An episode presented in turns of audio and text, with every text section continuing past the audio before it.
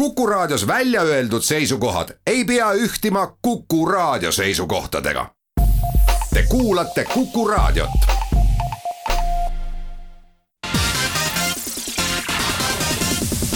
nädala Tegija. tere päevast, nädala Tegija alustab ja seoses erinevate sündmustega otsustasin täna saatesse paluda siseminister Kristian Jaani, meil on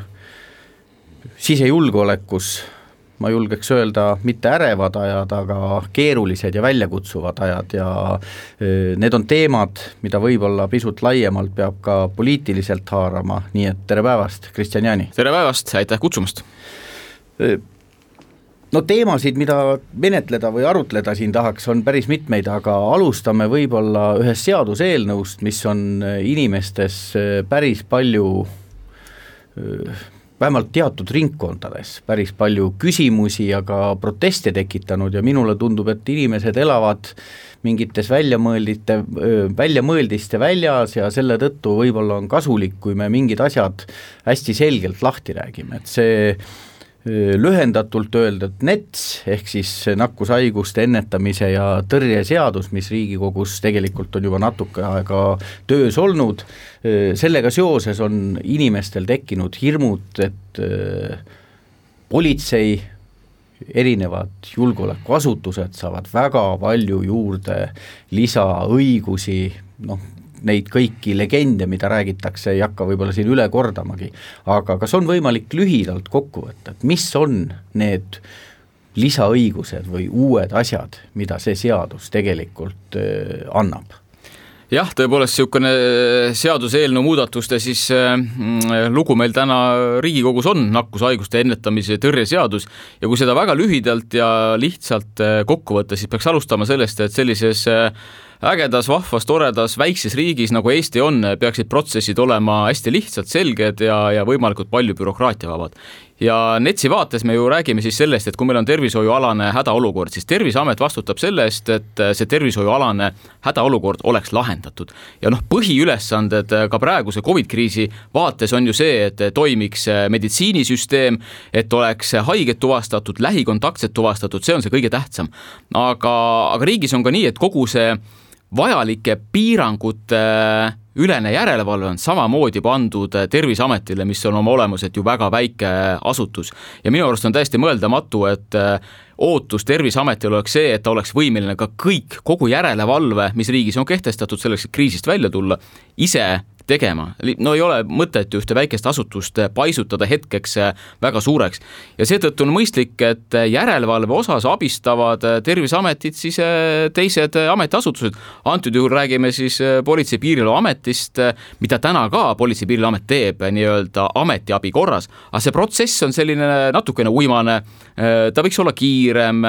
hästi palju sellist vaidlemist võib selle protsessi nagu raames olla, et mõistlikum olekski nii, et seaduse järgi on Terviseamet Terviseametil nii-öelda kohe algfaasis, kui on tervishoiualane hädaolukord, kaasata Politsei- ja Piirivalveamet ja anda kogu see järelevalve osa nii-öelda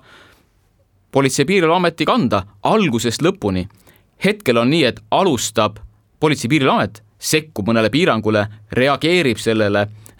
vajadusel fikseerib mingi olukorra, siis ta paneb selle materjali kokku, noh, piltlikult paneb postkasti, saadab Terviseametile, Terviseamet võtab selle postkastist välja, avab, vaatab, tutvub, kutsub välja politseiametniku, kuulab politseiametnikud üle, kuulab üle selle inimene, kes võib-olla rikkus neid piiranguid. miks? politsei võiks seda teha kohe sündmuskohal ära, võib-olla poole tunniga. meeletu kokkuhoid, ajaline, kuluefektiivne tegevus, nii edasi, nii edasi, nii edasi. nii et eh, see on see põhiline eh, eesmärk, eh, mis selle NETS-i muudatustega plaanis teha on ja võib-olla isegi veel niimoodi ühe lausega, et see PPA ülesanne peaks olema, et aidata nii palju kui vajalik ja nii vähe kui võimalik. tegelikult on meil kriis kestnud tänaseks natukene üle aasta. mis hetkel noh, see tunne hakkas tekkima, et äh, selline kriisi äh, ütleme siis äh, kriisi kitsaskohtade menetlemisel vana süsteem ei ole ma ei tea, jätkusuutlik või kas see tekkis nüüd uue valitsuse ajal või tegelikult need signaalid tulid üles juba varem? eks siin peab vaatama natukene ka seda, et millistes äh, nii-öelda siis õiguskeskkondades äh, tegeletud on. kui me lähme kriisi algusesse ja võtame olukorra, kus meil oli kehtestatud riigis äh, eriolukord, mida juhtis siis eriolukorra juht, siis ka õiguslikus baasis on pisut teistmoodi. eriolukorra juhi poolt antud korraldusi ja nendele sekkuda saabki politsei. Ja saab ka neid äh, vajadusel, veel kord, kui on vaja, minu arust on igasugune menetluse läbiviimine on väga äärmuslik meede, kui ei ole hoiatused, selgitused ei ole vilja kandnud, aga eriolukorras sai politsei teha algusest lõpuni, sest äh, seadus ütlebki, et eriolukorra juhi korralduste eiramine, sekkumine menetlusse ongi politsei teha kui meil ei ole eriolukorda ja on tervishoiualane hädaolukord, siis on see kohustus kõik äh, Terviseametil. ja sellest hetkest äh, ka kriisis äh, oli selge pilt, et see protsess, kui tõepoolest on vaja mõne inimese või ka ettevõtte osas näiteks sekkuda ka süüteomenetluslikult, siis seda saab ja ka veel täna saab teha ainult Terviseamet, aga Terviseamet peaks oma tähelepanu ikkagi veel kord pöörama sellele, mis on vahetult seotud tervishoiu hädaolukorraga. piirangutega las tegelevad need, kes ka igapäevaselt puutuvad kokku sellega, kus inimesi on vaja korrale kutsuda, juhtida tähelepanu piirangutesse ja vajadusel, veel kord, äärmisel vajadusel, võib-olla on ka väärteomenetlus vaja läbi viia. ja üks nagu oluline muudatus võib-olla selle tänase NETS-iga on ka see, et ta toob sisse tõepoolest selle väärteo koosseisu äh, piirangute eiramise osas, mida varasemalt ei olnud. et see on tegelikult võib-olla isegi üks niisugune järelevalve poole pealt tõesti see asi, kus me saame öelda, vot see on uus asi, seda väärteo koosseisu ei ole varasemalt olnud. Kriis on kestnud äh, pisut üle aasta, kui nüüd hinnata, noh, te töötasite varem politseis ja äh, teate noh, politseis äh, toimunud sellist statistikat või, või üldist ülevaadet, et kui nüüd vaadata selle aasta jooksul, kas võib öelda nii, et, et tänu sellele, et eelmisel kevadel oli inimestel noh, selline inimlik hirm kogu selle viiruse ja, ja noh, haiguse kulu ja kõige vastu, siis tegelikult eh, esimene laine, kui nii võib öelda, läks Eestis ka noh, politseile või siis ütleme, järelevalveasutustele suhteliselt lihtsamalt, sest noh, keegi ei tahtnudki väga protestida, kõigil oli põhjust olla peidus ja, ja natuke peljata kogu asja, aga möödunud sügisest, kui ühel hetkel või noh, ütleme talvel ühel hetkel, kui see teine laine vaikselt tulema hakkas, et siis juba inimesed olid väsinud, ajalises mõttes on ka see arusaadav ja teiselt poolt, kuna seadusandlus oli muutunud, et siis inimesed muutusid ka protestides või noh, ütleme oma väljaütlemistes pisut aktiivsemaks. jaa, absoluutselt nõus, et kui me läheme tagasi kriisi algusesse, siis tõepoolest mängis ju väga palju ka rolli noh, see niinimetatud hirmufaktor, et sul on uus asi millega võidelda, äh, nähtamatu vaenlane nii-öelda, ma ei pea silmas kuidagi politseid, inimesi, ühiskonda tervikuna. ja seda oli ka näha, et äh, pluss tõepoolest ka eriolukord, eks ole, mis on ka nagu psühholoogiliselt mõjub nagu hoopis teistmoodi. Mm, ja oli ka tõesti näha, et loomulikult inimesed ju, linn oli ju tühi tegelikult, liiklust ei olnud, kõik olid kaugtööl ja tõepoolest meil ei olnud ka ravi too hetkel või ärme nimetame ravi, vaid meil ei olnud siis äh, vaktsiine veel selleks ajaks. Äh, ja tõepoolest seda oli näha, seda hirmu, inimesed tõepoolest hoidsid piirangutest kinni, aga nüüd tuleb edasi äh, see lugu ja mida ma väga hästi ka mõistan, et mida kauem kriis kestab, frustratsioon, vaimne väsivus, seda kõike tuleb juurde ja seda me ka täna näeme ja see on täiesti arusaadav. ja täiesti arusaadav on ka see, et eh, tekib protestimees, eh, protestimeelsus, inimesed tahavad meelt avaldada, kusjuures jällegi tulles tagasi selle juurde, kui hea riik Eesti on, meil on tervishoiualane hädaolukord ja inimesed võivad ju protestida ja, ja tegelikult meelt avaldada. noh, peab kinni pidama teatud piirangutest, sest viirus ei ole mitte kuskile kadunud, eks ole, aga Eestis ei ole keelatud eh, meeleavaldused väga positiivne, nii peabki olema tegelikult, eks ole, aga veel kord, kui meeleavaldusi teha, siis peab täna ikkagi tegema nii, et inimesed ka oma seda nakkust äh, külge ei saaks äh, ega Harjumaal, Tallinnas äh, ei ole selle nakkusega täna väga hästi, haigla töötab ikka praktiliselt aurude peal, väga paljud inimesed on haiglas jätkuvalt, nii et me peame ikkagi veel kannatama, et olla täiesti kindlad, et võib nagu piirangute vabalt, sealhulgas ka nagu värskes õhus tegutseda siinkohal kuulame pisut reklaami, jätkame juttu siseminister Kristian Jaaniga pärast seda. nädala Tegija. nädala Tegija jätkab, täna külas siseminister Kristian Jaani, mina olen Meelis Atonen ja räägime üldiselt Eesti julgeolekuolukorrast, sellest mis viimastel nädalatel ka inimeste meeli kõige rohkem võib-olla puudutanud, no selle nakkushaiguste ennetamise ja tõrje seaduse kohta paar kõlakat või sellist noh, legendi võib-olla võiks kohe saates nagu lahti rääkida, et eh, minu jaoks kõige võib-olla selline huvitavam väide oli, et selle seaduse alusel saab politsei õiguse inimesi kodunt ära viia. olete kuulnud sellist väidet? Jaa, olen ikka kuulnud äh, sellist väidet ja, ja veel kord, ma saan aru, et nagu juriidikas on, ei ole nagu hea rääkida või ütleme, juristid räägivadki nii, et noh, et need õigused on kogu aeg olnud ja, ja, ja ja mitte midagi ei muutu, aga, aga tõepoolest selle niinimetatud tädi Maali jaoks äh, tuleb seda asja selgitadagi paremini, nii et täiesti nagu peeglisse vaatamise koht, kuidas me äärmiselt keerulisi selliseid äh, seadusi nagu vaatame. aga veel kord jah, et öelda nüüd, et lihtsalt selle seadusemuudatuse najal äh, Ähm, tervishoiualases äh, hädaolukorras tuleb politsei ja viib kellegi kodust ära, ei, see on täiesti nagu vale arusaamine kogu sellest asjast, seda ei juhtu mitte mingil juhul. Lapsi, ma ei tea,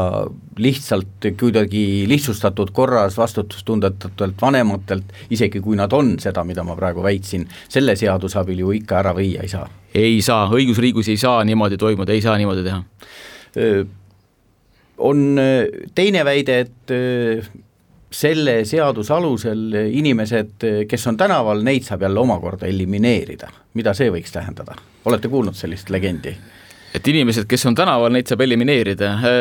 Õnneks ma ei ole sellist legendi kuulnud, aga ei saa selle seaduse alusel kuidagi kedagi elimineerida selle uue seadusega nüüd või muudatusega Terviseametile küll lisandub üks nii-öelda siis järelevalvemeede mis tähendab seda, et kui äh, nakkushaige inimene äh, päriselt, kes on reaalselt ohuks teistele, ei püsi kodus, näiteks läheb välja, läheb kaubanduskeskusesse, läheb teiste inimeste hulka, kus tekib reaalne oht, et ta ka nakatab teisi süütuid kõrval viibivaid isikuid, siis Terviseametil tõepoolest üks uus õigus tekib, ta võib selle inimese nii-öelda seal noh, ütleme kaubanduskeskuses kinni pidada ja viia ta tagasi koju ja öelda talle, palun püsi kodus, sa oled ohtlik teistele. seda õigust hetkel ei olnud, nüüd Terviseametile, kui see muudatus vastu võetakse, see on. et veel kord, aga rõhutan, et äh, kui muud meetmed ei ole aidanud ja me räägime ikkagi konkreetselt inimesest, kes on nakatunud ohtlikusse viirushaigusesse ja käib rahvarohkes kohas. no iseenesest on loogiline, et äh, politsei peab korda tagama, kas meil on olemas äh, mingi, kuidas ma ütlen, pädev statistika, kui palju on meil neid inimesi, kes tegelikult äh, noh, etteantud korraldusi, ma ei mõtle nüüd konkreetseid politsei korraldusi, vaid korraldust, noh, mis tuleneb sellest, et kui sa oled haige või kui sa oled ka lähikontaktne, et sa pead siis viibima isolatsioonis, kui paljud inimesed seda eiravad sest noh, see viimane, viimati jutuks olnud muudatus ju tuleneb tegelikult sellest, et noh, meie nakatumiskordaja kasv vahepeal tulenes sellest, et inimesed ignoreerisid, aga kui palju neid on umbes? jah, no siin muidugi tuleb eristada ka seda, et üks asi on see, kui äh, konkreetselt nii-öelda viirustõppe nakatunud inimene äh, rikub siis karantiininõuded, teine asi on nagu lähikontaktne äh,, kes peaks viibima siis isolatsioonis, eks ole. ja selliseid äh, järelevalve käigus äh, politsei ju selliseid pistelisi kontrolle kontrolle igapäevaselt ka läbi viib, noh see pisteline kontroll on ka see, et kontrollid mõnda autojuhti, äh, kes on rikkunud liikluseeskirja või äh, piiripunktis kontrollid igal juhul, kui inimene ületab Euroopa Liidu sisepiiri, äh, vabandust, välispiiri, siis ju kontrollitakse ka inimese andmeid. Ja nädala jooksul vähemalt varasemalt ikka üle paarikümne juhtumi, kus siis inimesed olid liikumas ringi, kuigi tegelikult oleks pidanud viibima kodus, nii et noh,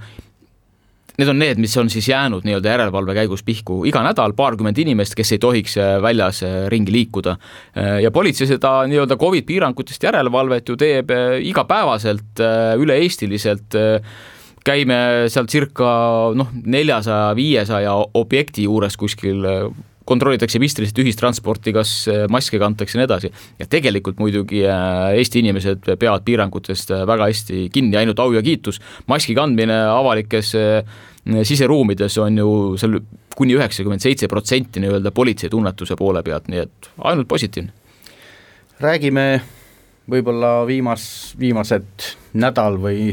pisut rohkem meeli vallanud sündmustest Toompeal ja seal lähiümbruses, et protestid Toompeal äh, noh, ka Vabaduse väljakul hiljem, kui nüüd tagantjärgi hinnata, teie ei olnud ise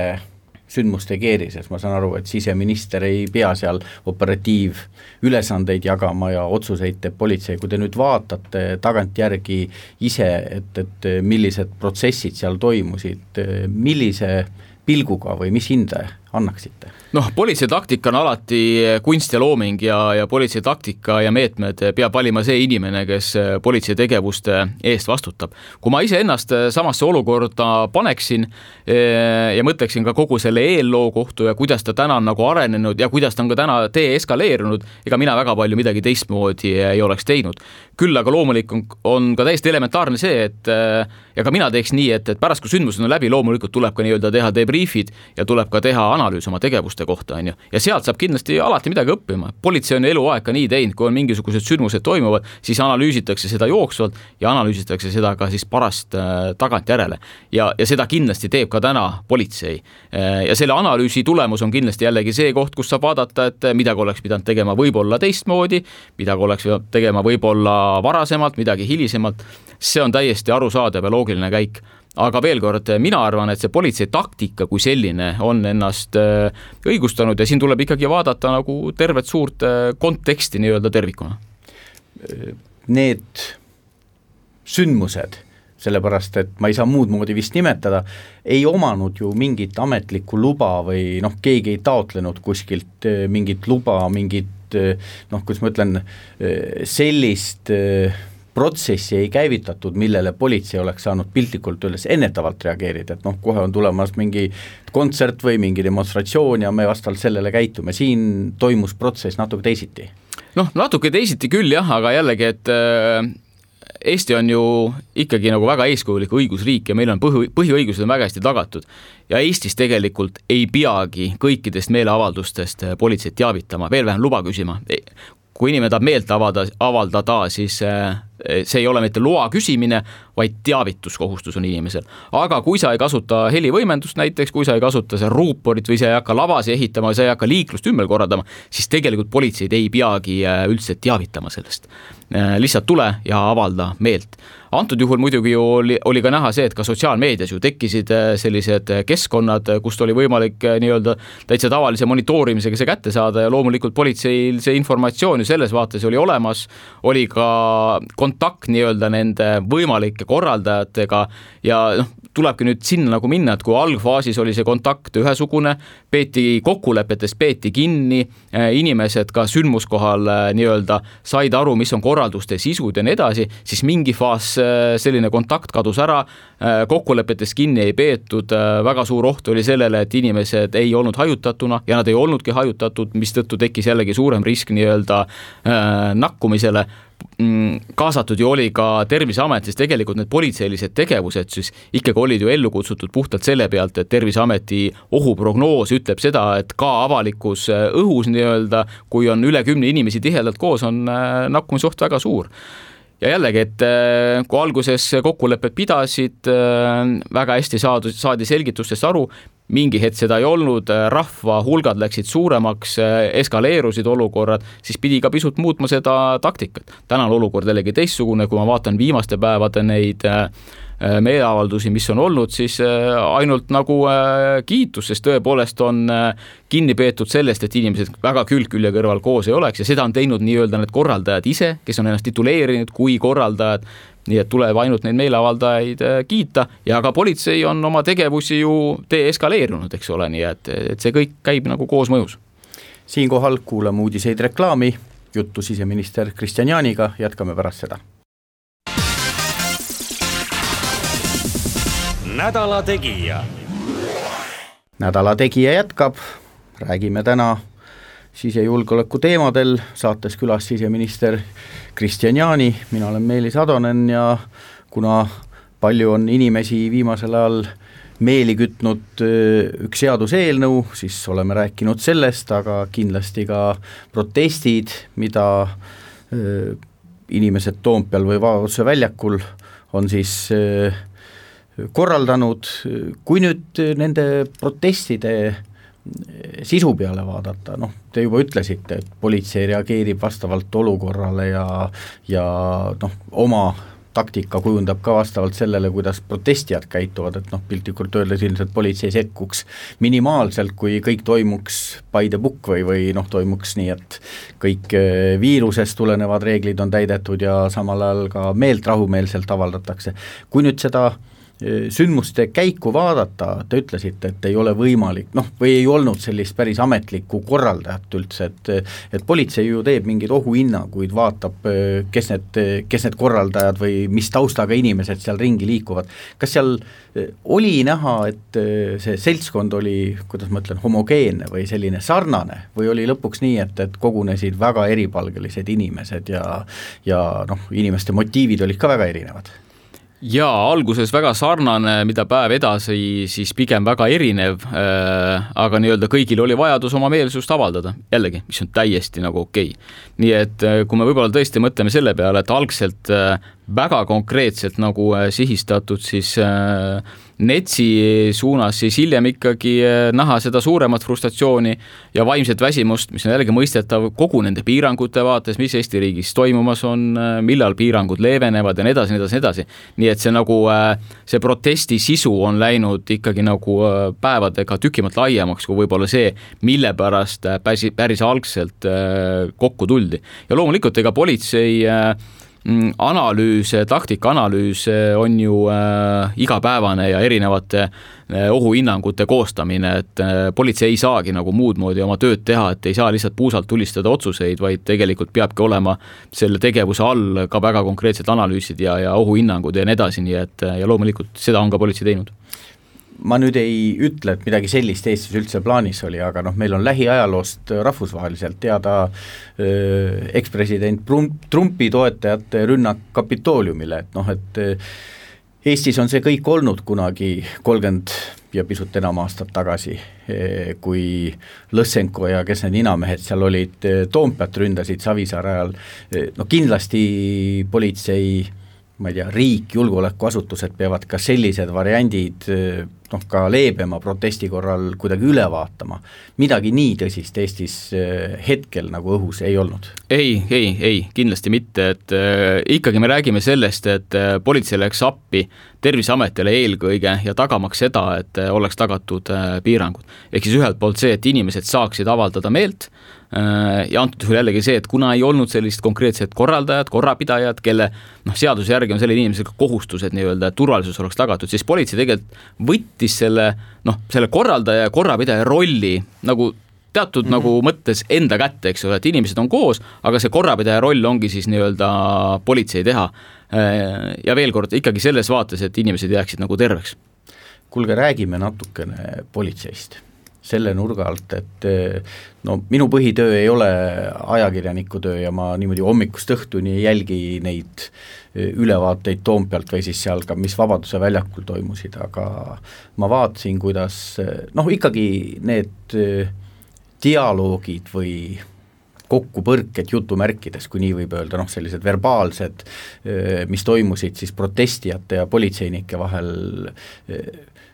no minu sügav kummardus, et need politseinikud ikka säilitasid ka sellises olukorras, kus noh, väga selgelt oli näha, et teine pool kätega juba vehkis natuke ja no ma ütleks küll, et võib-olla võib-olla alateadvuselt, aga ta ikkagi provotseeris. no need, need mehed, ma nägin küll valdavalt ainult mehi, et sellepärast kasutan seda terminit, et nad ikka säilitasid väga hästi külma närvi, et kui noh, keegi ei saa ju olla selliseks asjaks selles mõttes valmis, et noh, me ei kujutanud ette, et nüüd, mina küll ei kujutanud ette, et, et viiruse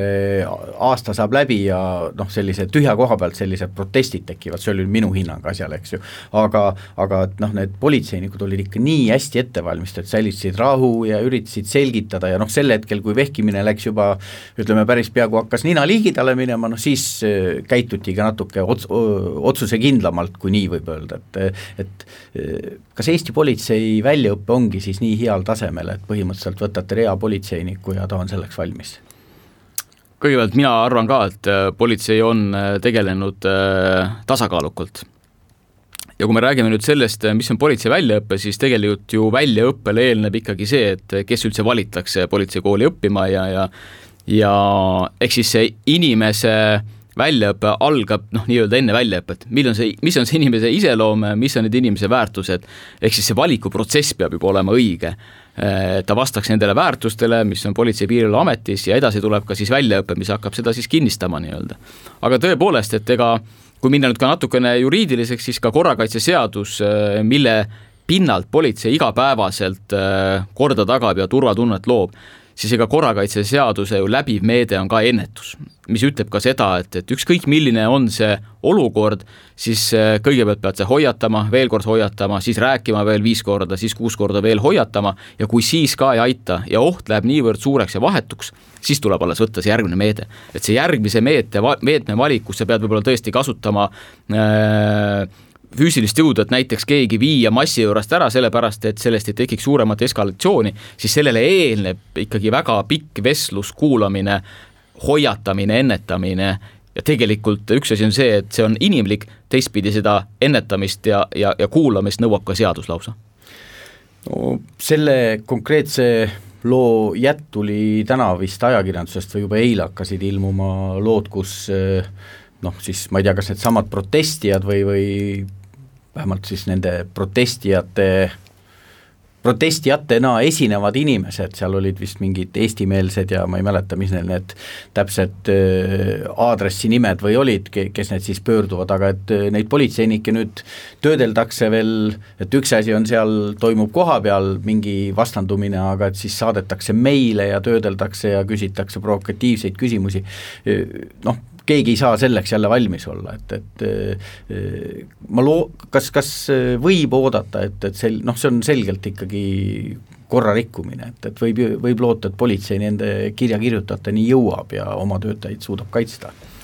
ja loomulikult. Ja, ja peabki jõudma ja peabki vestlema ja tuvastama, mis on nagu need põhjused olnud, miks siis selliseid eh, kirju saadetakse. Ja loomulikult peab ka kirjade sisse vaatama, et, et kas seal on näiteks ka väga konkreetseid ähvardava sisuga kirju ja kas nendel kirjadel on siis ka tõepoolest mingi reaalne nagu äh, tagapõhi all täpselt nii, nagu siiamaani ka on ju politsei teinud, et kui selliseid ähvarduskirju on saadetud, äh, ma ei tea, poliitikutele, muudele avaliku elu tegelastele, siis loomulikult on alati sekkutud, on ju. aga kõigepealt muidugi vaatab, kas need kirjad, mis on äh, politseinike saadetud, et kas nad on nüüd äh, konkreetselt ähvarduskirjad või on nad ikkagi sellised psühholoogilist laadi, et noh, ma ei tea, kas sa ikka saad aru, mis sa teed ja kas see on sinu vande järgi ja ja, ja miks sa üldse teed või noh, on ka niisugust nagu noh, niisugused allapoole vööd äh, löömisi loomulikult ka. ja loomulikult tekib üldse küsimus, et kui me vaatame seda mm, proteste seal, siis äh, noh, kui käivad ringi inimesed äh, suurte korralike fotoaparaatidega pildistamas politseinikke, nende nimesilte, käimas laiemalt ringi, pildistamas politseinike teenistussõidukeid, sealhulgas eravärvides teenistussõidukeid, siis loomulikult ekspertides ju tekib alati ka küsimusi, et huvitav nagu, et miks seda tehakse, eks ole. Mm, ja tõesti, neid meile on palju saadud, äh, neid meile on saanud ka politseiametnikud, kes noh, tegelikult vahetult ei ole kuidagi seotud seal tegevustega kas Vabaduse väljakul või või, või, või Toompeal ja, ja eks ta muidugi äh, kurb on ja, ja, ja mõjub kindlasti äh, kehvasti, kui sellised masspostitused äh, tulevad. jah, keeruline, aga jällegi, et äh, tuleb üle vaadata ja kindlasti nagu ka sekkuda nendele kirjadele ja aru saada, et äh, miks siiski nii siinkohal kuulame viimast korda täna reklaami. Meie saate vahel jätkame juttu Kristjan Jaaniga, meie siseministriga pärast seda. Nädala Tegija.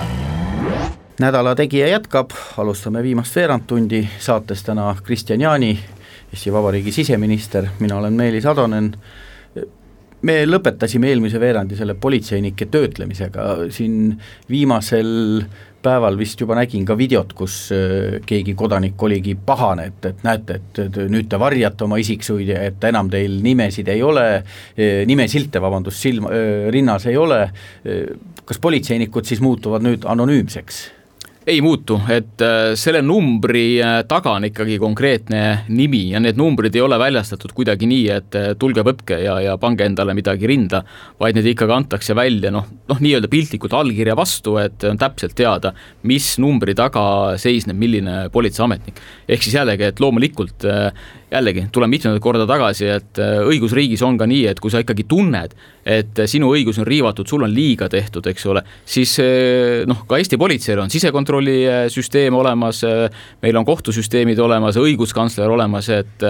et kui sa tunned, siis oma õiguste eest tulebki seista, eks ole, ja see number ei tähenda seda, et see politseiametnik jääbki anonüümseks, ei tähenda, et selle numbri taga on ikkagi nimi, nii et veel kord, kui kui keegi kuskilt tunneb, et tõepoolest neid õigusi on riivatud, äh, siis tuleb see number lihtsalt meelde jätta, eks ole, nii et äh, sellepärast see ongi. aga jah, tõesti see numbrite äh, panemine nimede asemele oligi pigem see, et nii-öelda hoida ära siis selliseid noh, nagu nüüd ongi see reaalseks saanud, õigemini peale seda see otsus ongi, et nii-öelda ei tekiks sellist noh, psühholoogilist mõjutamist politseiametnike suunas.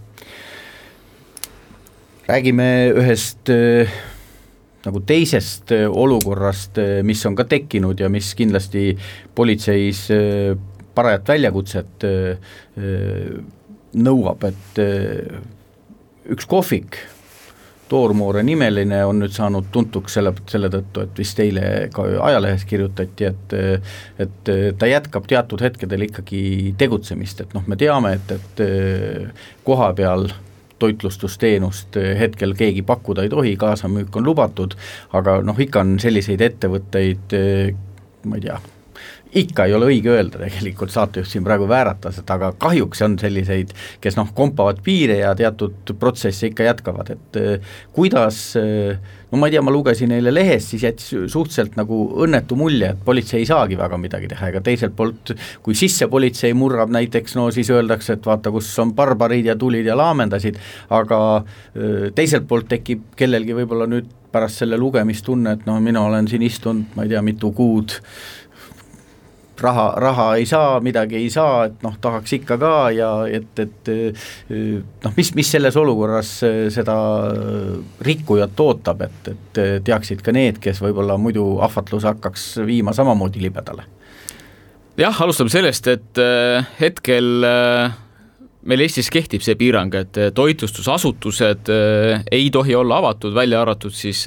kaasamüügiks ja enamjaolt äh, loomulikult äh, kõik peavad väga kenasti sellest äh, kinni ja, ja on mõned üksikud juhud, kus siis politsei tõesti oma sellise pistelise kontrolli käigus või siis ka antakse teada, helistatakse üks, üks kahele ja inimesed annavad teada, et kuulge, et toitlustusasutus peab olema kinni, aga need on avatud ja mitte kaasamüügiks avatud, vaid sees istuvad inimesed ja einestavad koha peal, ostavad ja einestavad. ja tänase piiranguga on selline tegevus Eestis keelatud puhtalt jällegi nakkuse tõrjeks ja see konkreetne toitlustusasutus, mida me siis nimetasime, siis äh, seal on tõepoolest paaril korral äh, tuvastatud seda, et toimub ka siis nii-öelda koha peal äh, einestamine ja, ja, ja toitlustamine. Ja, kuna täna Terviseamet on palunud politseil seda järelevalvet teha, siis politsei on sinna sekkunud. Ja politsei saab teha täna siis seda, et tema lihtsalt siis selle olukorra fikseerib seal kohapeal ja edastab need materjalid siis eh, Terviseametile. ja Terviseamet eh, saab siis otsustada järgnevad tegevused, eh, mis on siis sunniraha, ettekirjutus, noh, sellised haldusmenetluslikud meetmed ja see lõplik otsus tuleb siis täna Terviseameti poolt, mis siis selle toitlustusasutusega saab, milline saab olla see haldussekkumine. ja seda Terviseamet on täna ka teinud korduvalt ka selle konkreetse kohviku osas räägime nüüd natuke poliitikast, et äh, teie tulite poliitikasse alles värskelt, äh, mõni kuu tagasi, äh, samal ajal teatud poliitilised jõud ütlevad, et Eestis on tekkimas politseiriik, et noh, kuidagi te peate neile poliitikuna nüüd vastama. Et on teil sellist hirmu, et Kristian Jaani siseministrina läheb kunagi Eesti ajalukku sellena, et temal ajal hakkas politseiriik tekkima? Eestis on riik, kus on politsei, keda kõrgelt usaldatakse. Ja ma arvan, et äh, iga organisatsioon, antud juhul räägime Politsei- ja Piirivalveametist, saab aru, et, et, et seda usaldust hoida, siis äh, see on päris kõva nagu vastutus ja seda ei tohi kuritarvitada, neid õigusi, mis on politseile antud, sest neid õigusi tõepoolest selleks, et turvalisust tagada, on politseil tõesti palju äh, aga veel kord, et õigustega kaasneb alati ka vastutus ja kohustus ja ka see väljaõpe, mis politsei saab, on ju äh, Sisekaitseakadeemias ikkagi noh, kolm aastat peab seda nagu õppima nagu politseiametnik, eks ole. nii et äh, veel kord, me räägime ühest ilusast heast riigist Eesti, kus on töötamas üks politsei, mitte me ei räägi politseiriigist me rääkisime, et aasta tagasi, kui see viirusest tingitud olukord, siis oli ju lausa eriolukord, tuli, et noh, politseil oli nagu rahulikum aeg. kas praegu, kui me vaatame nüüd pilti võrrelduna näiteks pool aastat tagasi, kolm kuud tagasi, meil on tegelikult olukord eskaleerunud, noh, näiliselt on liikumispiirangud, tegutsemispiirangud, teame, siin tõime näiteid, et paljud avalikud asutused ei tööta, mina vaatan, et linnapildis eh, elu on ikka väga aktiivseks läinud, kuidas see kajastub eh, hetkel noh, politsei ja piirivalve töö igapäevastatistikas, kas on tunda, et me oleme veel mingis suletud ma ei tea, ühiskonnas või on nii, et, et ütleme siis, kurikaelad on jälle aktiivseks muutunud? no eks ta mingil määral on, aga, aga mitte väga oluliselt, et kui me vaatame ka eriolukorda, mm, eriolukorra ajaperioodi, siis äh, kadusid ära võib-olla erinevad õigusrikkumised küll avalikust ruumist, aga ega nad päriselt ära ei kadunud, sest äh, need läksid koju lihtsalt. ehk siis, kui äh, varasemalt pidi politsei lahutama võib-olla äh, äh, ma ei tea, vanalinnas äh, laupäeval äh, liigselt alkoholi tarvitanud inimeste omavahelist kaklemist, siis eriolukorra ajal pidi lahutama seda, et naabrid omavahel läksid trepikojas võib-olla karvu pidi kokku või siis külalised korteris. nii et avalikust ruumist lihtsalt asjad liikusid siseruumi, võiks nagu väga üldiselt seda asja kokku võtta ja kui me räägime nüüd sellest, et tõesti inimesi on, äh, noh, meil on küll väga palju piiranguid, aga ega elu ei ole ju nagu seisma iseenesest jäänud, kui me vaatame ka linnapilti, tõepoolest, et äh, muidugi kaubanduskeskused, ettevõtlus, toitlustamine,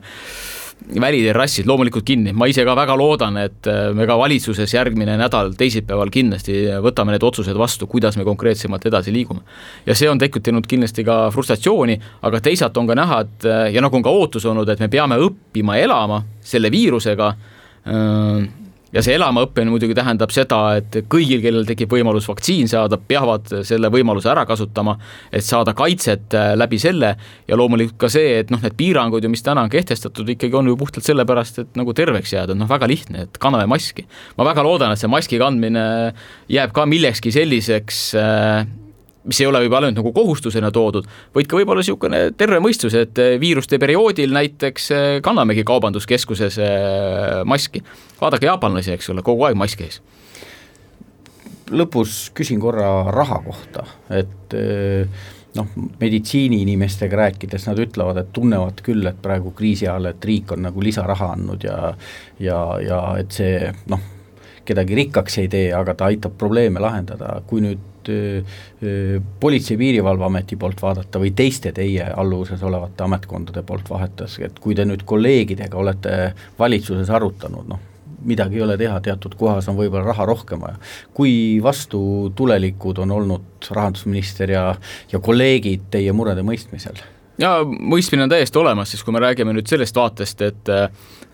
piirangute järelevalve on ju Politsei-Piirivalveametile täiendav töö Äh, häirekeskuses äh, riigi infotelefoni üks, kaks, neli, seitse üleval hoidmine on täiendav töö. Ja nende kulude katmiseks on äh, valitsuse poolt noh, minu taotluse alusel alati ka eelarvelised vahendid eraldatud, hetkel on nad eraldatud mai lõpuni, nii et selles mõttes see täiendav raha, et piirangute üle järelevalvet teha, hoida üleval riigi infotelefoni, siis need kulud on tõepoolest ka kaetud olnud aitäh, Kristjan Jaani, jõudu teile ja jõudu kogu teie hallatavale ametkonnale ja kõigile inimestele, kes sisejulgeolekusse panustavad. me tihti ei saa aru, aga see kõik on meie enda kõi-, parema elu heaks. aitäh, jäägem terveks! nädala Tegija